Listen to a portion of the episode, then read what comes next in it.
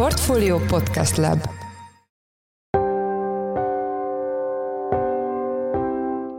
Mindenkit üdvözlünk, ez a Portfolio Checklist február 20-án hétfőn. A mai műsor első részében arról lesz szó, hogy milyen jelentősége lehet annak, hogy Joe Biden, amerikai elnök Ukrajnába látogatott, és milyen főbb folyamatok zajlanak most a háborúban. Két fontos bejelentés történt ezen a látogatáson. Az egyik az, hogy az Egyesült Államok egy újabb fegyvercsomagot jelentett be, illetve újabb szankciós csomagot Oroszországgal szemben. Adásunk második részében arról a gazdasági beavatkozási hullámról lesz szó, amit Törökország hajt végre a gazdaságában Szíriában. Nyáron ugyanis választások következnek, és Erdogánék már a nyugdíjpénzekkel stabilizálják a tőkepiacokat. A témáról Cser Tamást, a Hold alapkezelő vezető részvényportfólió kezelőjét kérdeztük. Én Forrás Dávid vagyok, a Portfolio Podcast Lab szerkesztője, ez pedig a checklist február 20-án. Beigazolódni látszanak azok a várakozások, melyek szerint tavasszal felpöröghetnek az események az ukrajnai háborúban a témával kapcsolatban. Itt van velünk Huszák Dániel, a portfólió globál rovatának vezető elemzője. Szia Dani, üdvözöllek a műsorban. Szia Dávid, üdvözlöm a kedves hallgatókat. Kezdjük azzal a mai hírrel, hogy Biden elnök Ukrajnába látogatott. Itt szerinted a szimbolikán kívül lehet egy ilyen látogatásnak jelentősége, vagy mi lehet az üzenet ennek az eseménynek? Két fontos bejelentés történt ezen a látogatáson. Az egyik az, hogy az Egyesült Államok egy újabb fegyvercsomagot jelentett be, illetve újabb szankciós csomagot Oroszországgal szemben. Pontosan azt, hogy ezek milyen eszközöket fognak tartalmazni, illetve milyen szankciók lesznek, még egyelőre nem tudjuk. Várhatóan ez a következő napokban ki fog derülni. Egyelőre annyit tudunk, hogy valószínűleg tüzérségi fegyverek, tüzérségi lőszerek lesznek, amiket küldenek meg Ukrajnának, illetve Javelin típusú páncéltörő fegyverek, illetve felmerült az, hogy tárgyal Joe Biden és Zelensky nagyobb hatótávolságú rakétarendszereknek a leszállításáról is. Most konkrétan, hogy ebből lesz-e bármilyen irányú pozitív döntés, azt még nem látjuk. Ez is egy olyan kérdés, amit gyakorlatilag a háború eleje óta görgetnek maguk előtt az Egyesült Államok döntéshozói. Ukrajna szerint viszont előbb-utóbb majd úgyis megkapnak minden olyan fegyvert, amire vágynak. Azt kell még tudni, hogy a bejelentett szankciók, melyeknek ugye pontos részletei szintén nem tisztázottak, valószínűleg olyan vállalatokkal szemben, illetve olyan magánszemélyekkel szemben lesznek majd bejelentve, akik segítenek Oroszországnak a már érvényben lévő szankciókat megkerülni. Tehát egyelőre a mostani információk alapján az még nem vár várható, hogy újabb szintre emelik az Oroszországgal szemben lévő szankciókat, és olyan termékköröket érintenek, amelyek eddig nem voltak szankcionálva, hanem inkább arra lehet számítani, hogy konkrét vállalatok, illetve magánszemélyek lesznek ebben érintettek. Sokat beszéltünk itt a checklistben, és meg ti is sokat írtatok a Globál rovatban arról, hogy tavasszal offenzívát indíthat Oroszország. Térképet nem tudunk mutatni a hallgatóknak, de hol várható egy nagyobb előrenyomulás, vagy legalábbis ennek a próbája? Igen, ez jó, hogy kihangsúlyozott, hogy próbálja, mert azt abszolút látjuk, hogy próbálkoznak vele, de egyelőre még olyan nagy áttörés áttörésről nem lehet beszélni. Gyakorlatilag három fő műveleti iránya van az orosz offenzívának. Először is pontos tisztázni, hogy most a Donbassra koncentrál gyakorlatilag az orosz haderő, tehát itt lehetett arról információkat hallani mostani támadás előtt, hogy itt egy ilyen átfogó országos támadás lesz Ukrajna ellen.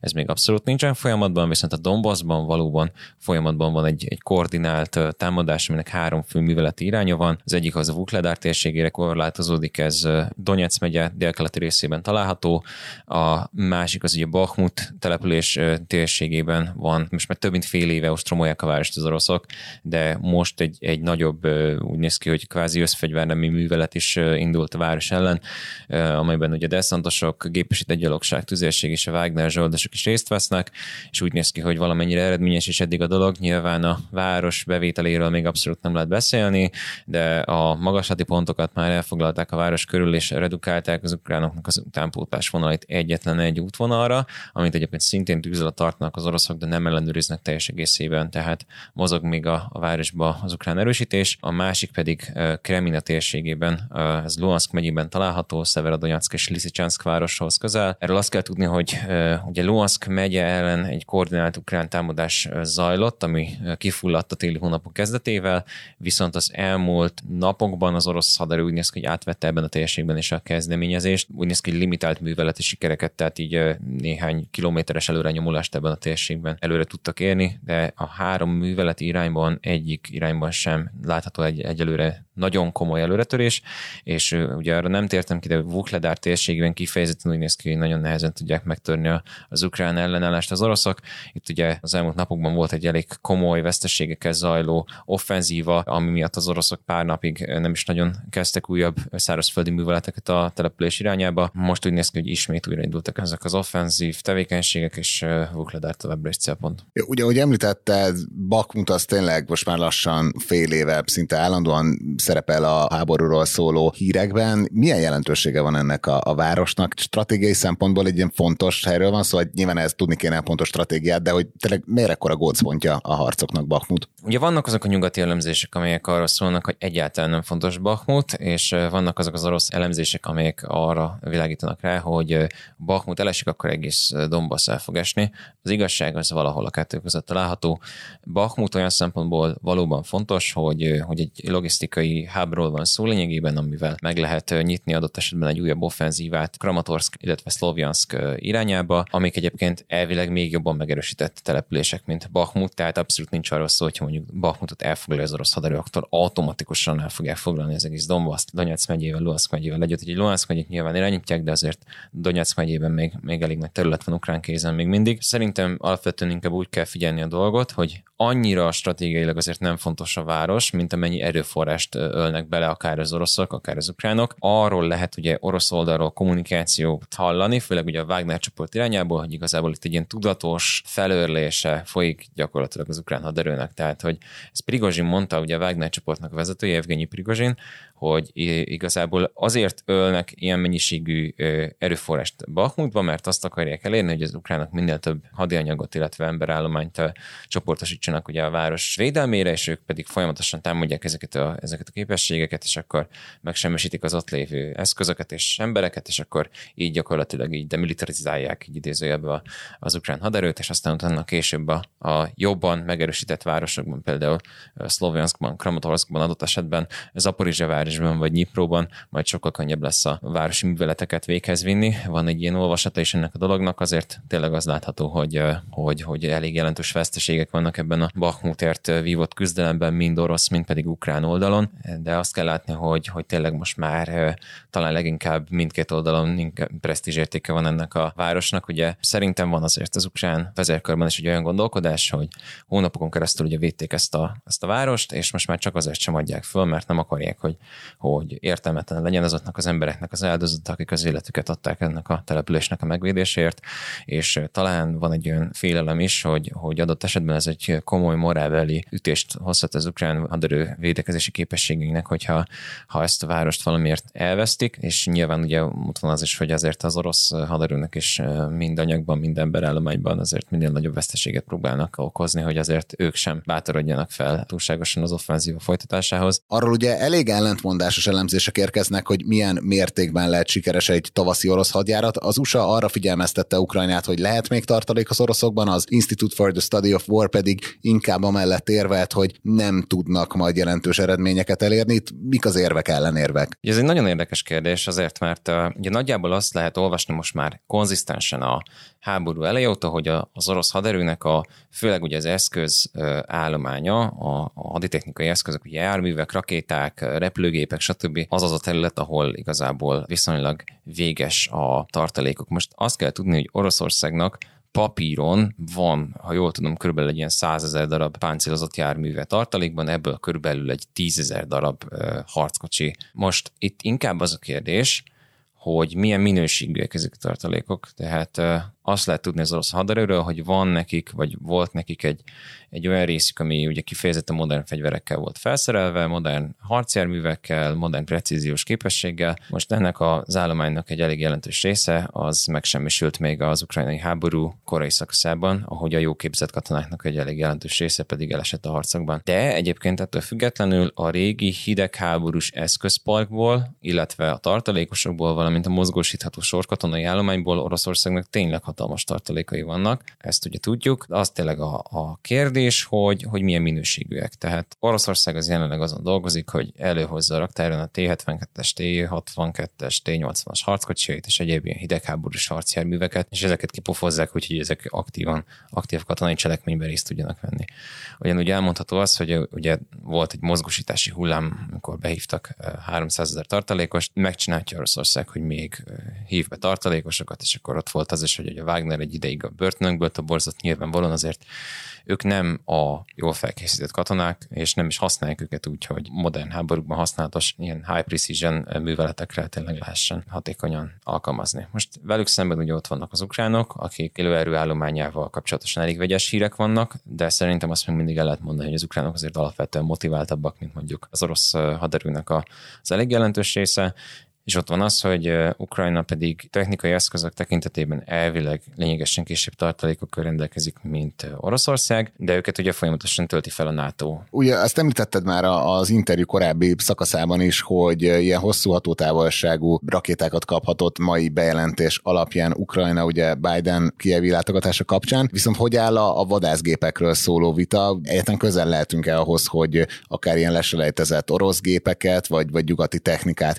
átadja adjanak Ukrajnának NATO részről, és egyáltalán mennyire lenne egyszerű ezeket így most háború közben rendszeresíteni? Gondolom, hogy a NATO vadászgépek, vadászbombázók rendszeresítése az teljesen irreális dolog. Tehát a, a vadászgépek, vadászbombázók az talán a világ legszofisztikáltabb haditechnikai eszközei. Lényegében egy komplex repülő számítógépes rendszerről van szó, aminek a használatát, eszközellátását, alkatrészellátását, megfelelő tárolását egy nagyon, nagyon átgondolt és nagyon precízen felépített logisztikai képzési alkatrészbeszállítási, alkatrészellátási, gyártási háttér előzi meg. Az, hogyha X mennyiségű vadászgépet, vadászbombázot leteszünk Ukrajnában, annak szerintem nem sok értelme van. Azt kell látni például, hogy csak azoknak a pilótáknak a kiképzése, akik mondjuk egy új repülőgépre akarják átképezni magukat, és egyébként mondjuk repültek már korábban katonai repülőgépeket, az is alsó hangon egy 6 hónap, de inkább 12. Még csak a pilóták képzéséről beszélünk, nem is a repülőtér megfelelő képítéséről, az alkatrészállátás létrehozásáról,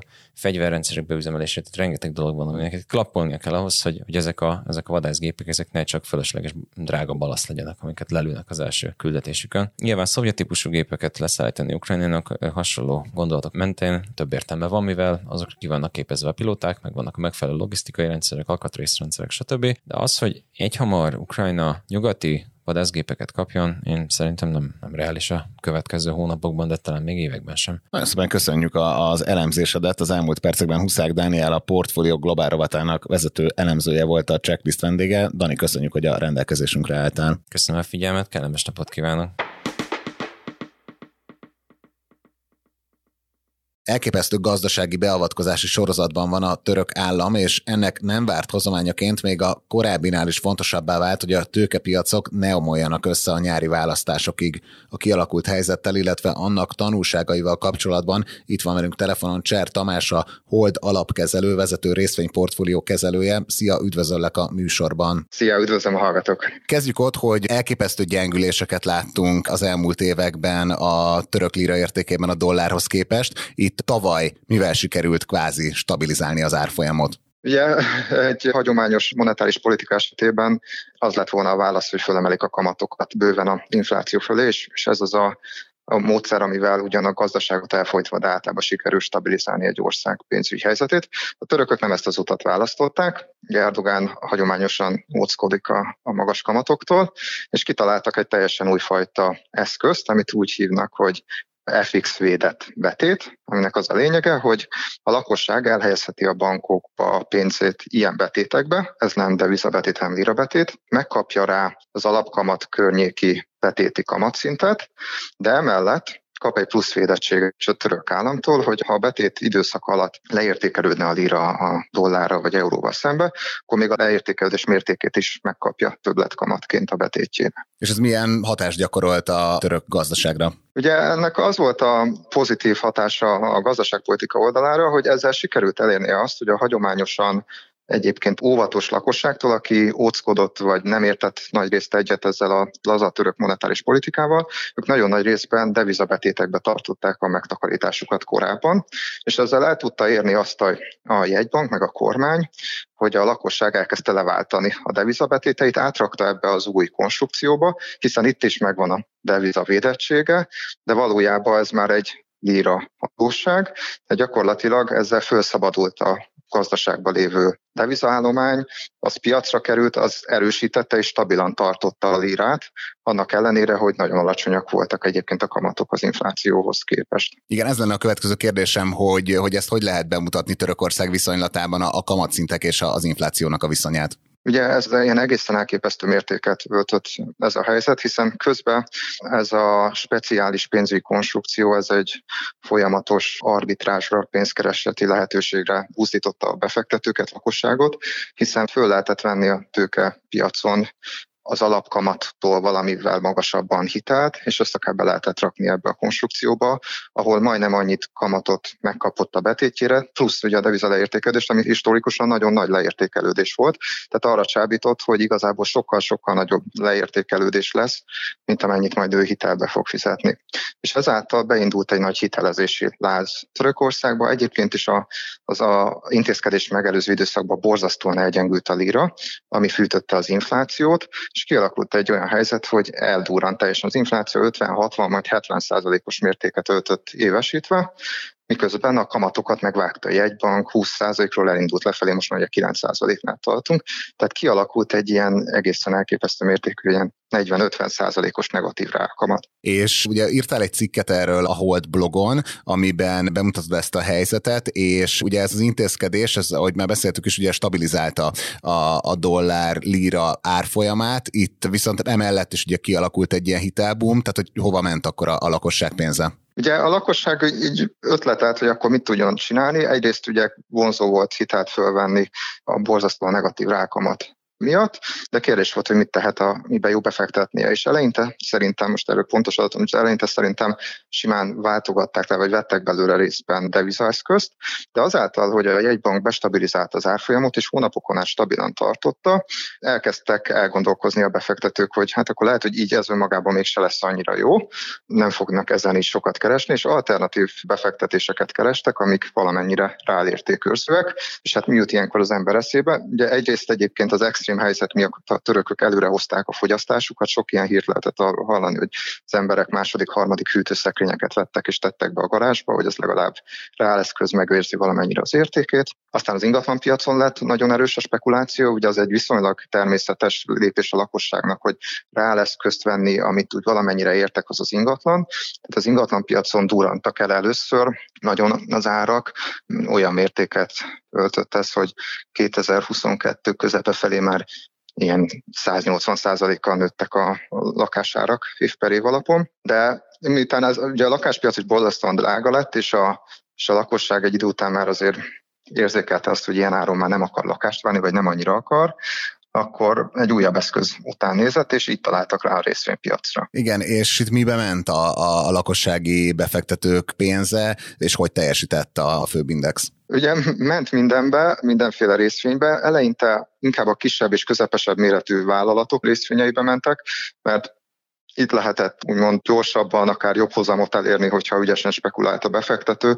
Itt lehetett akár nagyobb hatása is a beérkező pénznek, kisebb ezeknek a vállalatoknak a tőzsdei forgalma, kapitalizáció így könnyebben tudott bekövetkezni egyébként nagyobb árelmozdulás is, de egyre inkább utána kiszélesedett és az egész piacot vitte magával.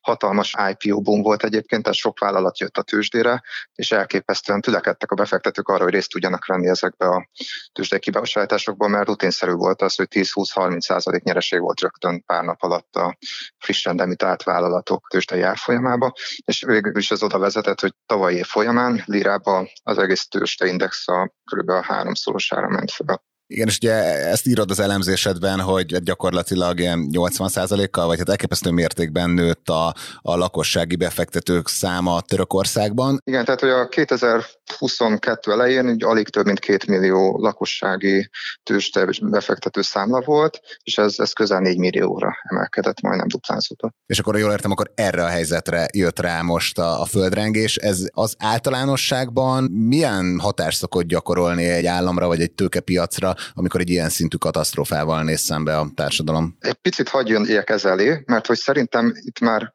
itt már elindult egy folyamat, egy, egy kiózanodás ebből a, a tőzsde mániából már január folyamán. Ugye egészen tavaly évben, és főleg a év második felében hatalmas töretlen emelkedés volt, de mindez megtorpant januárba, és elkezdett ereszteni ez, és hát nehéz ezt pontosan előrejelezni, hogy mikor mi fogja kiváltani a, ennek a, a kipukkadását, de azért azt lehetett látni, hogy ugye ez így, ezek a rengeteg számlanyílás, stb. Ez, ez így azért végtelenségig nem folytatódhat, és közben elindult egy olyan folyamat, hogy elkezdett fölemelkedni a hazai kamatszint. A jegybank nem emelte egyáltalán kamatot, lent tartotta egyre lejjebb itt 9-10% körül, de közben a bankoknak ez a hitelmánia miatt, és azáltal, hogy a betétek már nem voltak olyan vonzóak, sokkal érdekesebb lett a tőzsde, meg az ingatlanpiac, elkezdtek a betétekért versenyezni, és egyre nagyobb kamatot fizetni, és egészen ilyen 30% közelébe emelkedtek a tipikusan elérhető friss betéti kamatok. Tehát amikor miközben a jegybanki alapkamat 10% körül volt, valójában a bankok, a bankpiacon már 30% körül volt a valós ára a pénznek, és ugye ez már egy szembeszél volt a tőkepiacnak, hiszen ahogy szokott lenni az ilyen nagy lakossági tőzsdemánián, itt azért bőven volt tőkeáttétel is a befektetések során, tehát egyre több befektetőnek jött meg a kedvehez a jó bulihoz, gyönyörű volt a visszatekintő hozam, miért ne próbáljuk ezt még mind több és több hitelből csinálni, és ennek a hitelnek az ára jelentősen elkezdett drágulni az elmúlt hónapokban, tehát egyre inkább már fogyott az új pénz, ami jönni tudott, mert hát már szinte mindenki tőzsdézett, és közben meg is drágult a dolog, és ezért ez a dolog elkezdett tereszteni. Tehát januárban már esett a török tőkepiac, úgyhogy egyébként jó hangulat volt nemzetközileg, mentek fel a tőzsdék. Ideges is volt a piac, voltak időnként ilyen limittel való esések, a török piacon az egy 10%-ot jelent a napi elmozdulás fölfelé vagy lefelé, ebben van limitálva. Sokszor ilyen közepesebb vagy nagyobb állatok is akár estek, limittel is letapadtak azért, mert elkezdtek kilikvidálni egyes befektetőket, akik hitelből építették föl a piramisszerű pozíciójukat. És akkor milyen hatást gyakorolt az egészre a földrengés? Tehát szerintem itt elindult már magától egy romlás, mert sérülékeny volt nagyon a helyzet, és ebbe, ebbe a pillanatba érte a tőzsdét a, a, a földrengés, ami egy borzasztó esemény, és nagyon sajnálatos, és biztos, hogy hozzátett ahhoz, hogy a, a elkezdődő hangulatromlásba még bele is rúgjon. Hát ugye egyrészt itt nyilván a gazdaságban azért jelentős károk keletkeztek. Most még úgy frissek a becslések, meg még biztos, hogy nem véglegesek, de azért olyasmi számok röpködnek, hogy a GDP 5-6%-ába belekerülhet az újjáépítés. Ezt meg kell finanszírozni, ez is egy kicsit tőkét vonhat el más területeinek a gazdaságban, ezen kívül nyilván sajnos ebből a a földrengés által súlyosan érintett régióból voltak is befektetők, lehettek befektetők, akik emi miatt, még a lakásuk elvesztése miatt hirtelen pénzre van szükségük, és ki kell vonniuk a megtakarításukat. De, de alapvetően azért ez nem egy akkora földrengés volt szerintem, ami a gazdaságot így hosszabb távon nagyon durván kizökkent a korábbi trendjeiből, de elég lehetett ahhoz, hogy beindítson, vagy fölerősítsen egy egyébként is beinduló eladási hullámot. És akkor ugye, ahogy a cikketben, illetve itt a felvezetőben is említette, ugye hát kulcsfontosságú Erdogán számára, hogy nyárig olyan nagy probléma ne történjen a, a tőkepiacokon, hiszen iszonyatossá vált a, a lakossági kitettség. Itt milyen újabb csavar van a, a, a történetben a szabályozói szempontból? Ugye, ha visszatérünk oda, hogy ott tartunk már, hogy nagyjából 4 millió tőzsdéző török van, akkor azért, ha ezt, úgy tekintünk, hogy jellemzően egy családban ez, ez egy fült jelent, vagy egy számlát, akkor azt mondhatjuk, hogy akár török társadalomban akár 10 millió ember érintett ebbe. Tehát azt is mondhatjuk, hogy ez egy 80-90 milliós lakosságú ország, hogy a társadalomnak akár 10-15 százaléka jelentős mértékben érintett ezzel a helyzettel. Egyrészt sok pénzt keresett a közelmúltba, másrészt, ha meg nagyon sokat bukna a közeljövőbe, akkor ez már mindenképpen egy, egy érzékelhető része a szavazóbázison belül is. Ezért szerintem egyre inkább egyre több jele van annak, hogy, hogy a politika így a választásokra ráfordulva nem akarja kipróbálni, azt nem engedheti meg magának, hogy itt legyen egy hatalmas tőzsde összeomlás, ahol 10 millió ember vagy a 10 millió lakos fogja hirtelen rosszabbul érezni magát, mint korábban. És ezért megpróbálnak mindent elkövetni annak érdekében, hogy ne következzen be az az összeomlás. És itt, itt egészen sokféle dolggal próbálkoznak. Az egyik extrémebb már az, az volt, hogy ahogy hirtelen történtek az események, ugye a a földrengés után, vagy aznap, meg másnap nyitva volt a tőzsde, de egyre inkább felerősödött az esés, napi limittel esett a tőzsde, másnap kinyitott, reggel megint már 9 óra körül napi limittel esett a tőzsde, 8-kor nyit a tőzsde a idők szerint.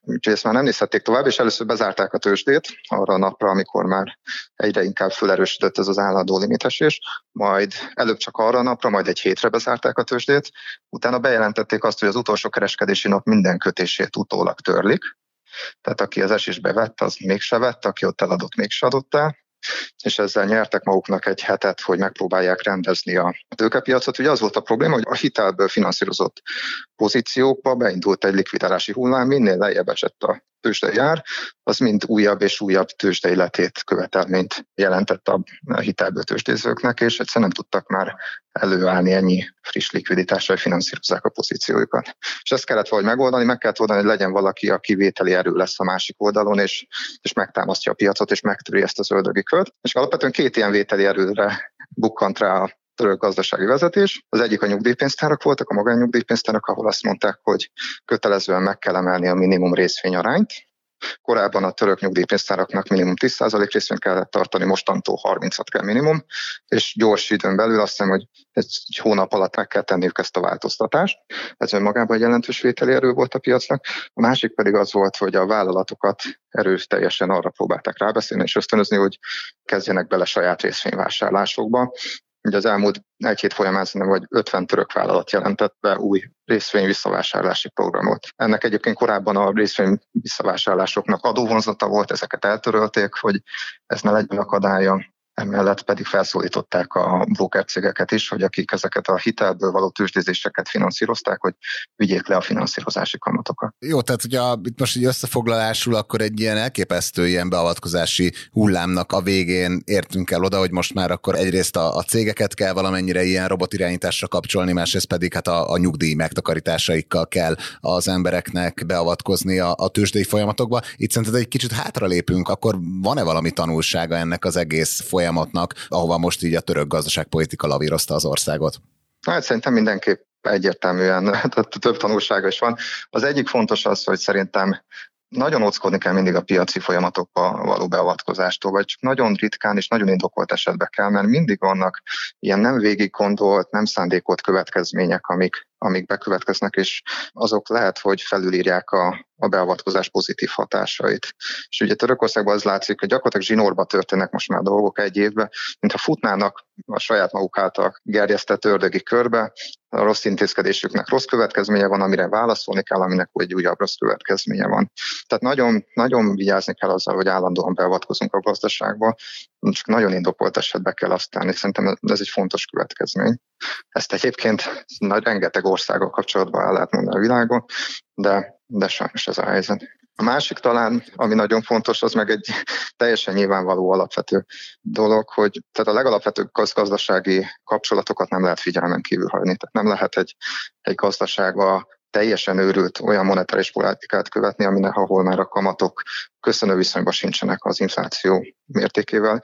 Ebből előbb-utóbb egyre nagyobb bajok lesznek. Ez, ez a történelemben sok ilyen példa volt, ez nem szokott jó véget érni. Hát nagyon szépen köszönjük az elemzésedet, a, a cikkedet azt linkeljük az epizód jegyzetekbe. Az elmúlt percekben Cser Tamás, a Hold alapkezelő vezető részvényportfólió kezelője volt a checklist vendége. Köszönjük szépen, hogy a rendelkezésünkre álltál. Köszönöm a figyelmet, sziasztok!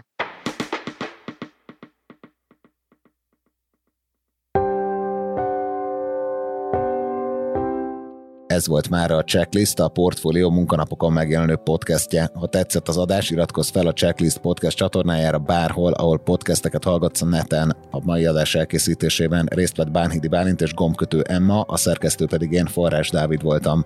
Új adással holnap, azaz kedden jelentkezünk, addig is minden jót kívánunk, sziasztok! Reklám következik.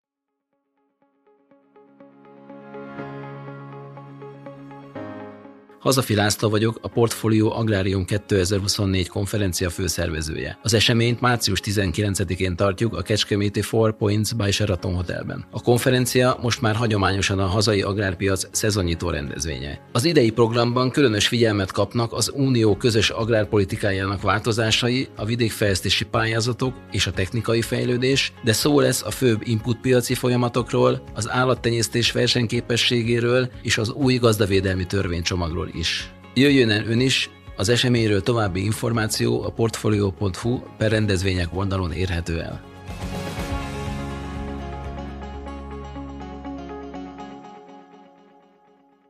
Reklámot hallottak.